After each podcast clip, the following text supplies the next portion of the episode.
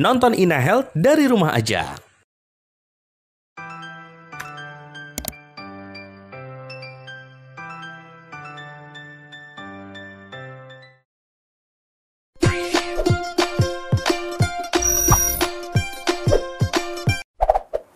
Halo semua, memiliki anak dengan pertumbuhan yang baik merupakan dambaan dari setiap orang tua. Nah, mulai dari dia belajar merangkak, bicara, bahkan dari hal yang sederhana, yakni pertumbuhan gigi balita. Tapi, pernah nggak nih, karena gigi mau tumbuh, si dedek rewel dan bawaannya gatel mulu di daerah gusi. Kadang-kadang, sebagai orang tua yang baru pertama kali punya anak, bingung cara nenangin anak agar nggak rewel, ya kan? Nah, episode kali ini kita akan fokus bahas tentang pertumbuhan gigi balita. Pengen tahu kan? Kita bahas yuk bareng aku, Dr. Fiona, di High Doc Inner Health Trusted Health Channel.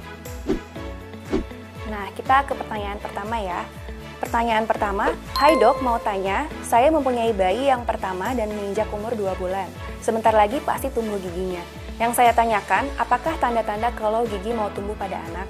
Yang perlu diketahui, titing atau proses pertumbuhan gigi itu merupakan suatu proses biologis dari perkembangan gigi di rahang sampai menuju ke rongga mulut. Dan biasanya itu uh, mulainya sekitar umur 6 bulan. Lalu berlanjut 20 gigi sampai umur 33 bulan. Nah, tanda-tandanya yang pasti adalah anak merasa tidak nyaman pastinya, merasa sakit. Jika kita melihat pada lokal di rongga mulutnya, terdapat kemerahan pada gusi, lalu ada gusinya yang membengkak dan terdapat putih-putih seperti tulang yang itu merupakan giginya. Biasanya tanda-tanda seperti itu disertai demam. Nah, tanda-tanda seperti demam itu merupakan tanda-tanda yang tidak pasti.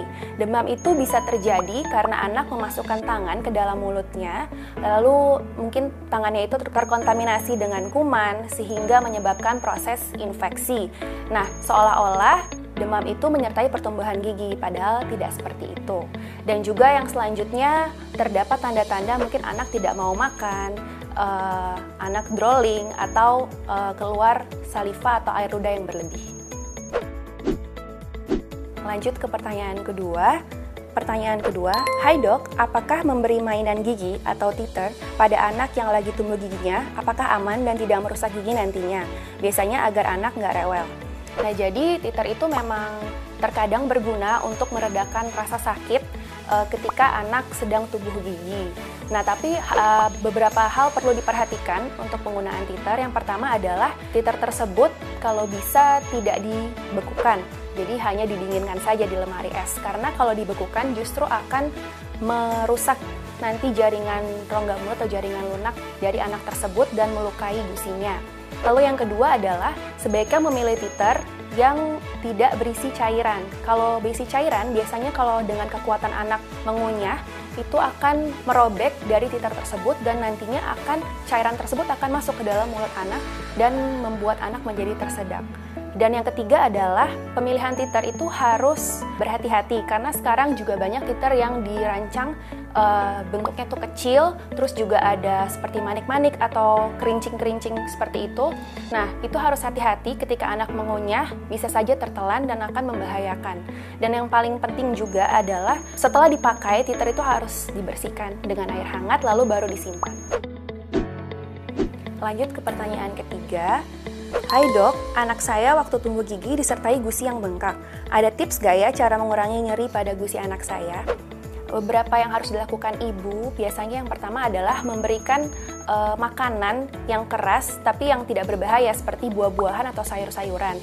Jangan lupa untuk tidak dibekukan juga karena kalau makanan itu beku itu dapat merusak jaringan lunak juga. Lalu yang kedua adalah pemakaian titing gel. Pemakaian titing gel itu sebenarnya harus berhati-hati juga karena uh, dia tuh mengandung benzokain dan lidokain yang mungkin nanti akan membahayakan sistemik pada anak. Sehingga harus diperhatikan penggunaannya dan harus sesuai dengan petunjuk dokter.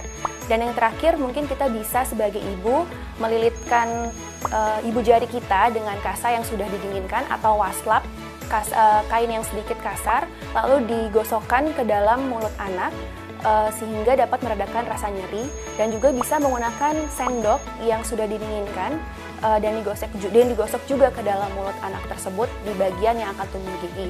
Dan tapi jangan lupa uh, sendok tersebut jangan dicelupkan dengan bahan-bahan uh, yang manis seperti madu contohnya karena bisa meningkatkan resiko karies atau lubang pada gigi. Banyak juga ya ternyata permasalahan di saat gigi anak yang sedang tumbuh. Tapi sekarang nggak usah khawatir, semua sudah jelas kan tadi? Gimana? Masih ada pertanyaan lagi? Tenang, kirim aja ke medsos InaHealth, mampir juga di YouTube kita, dan pastikan kamu sudah subscribe, like, and comment ya.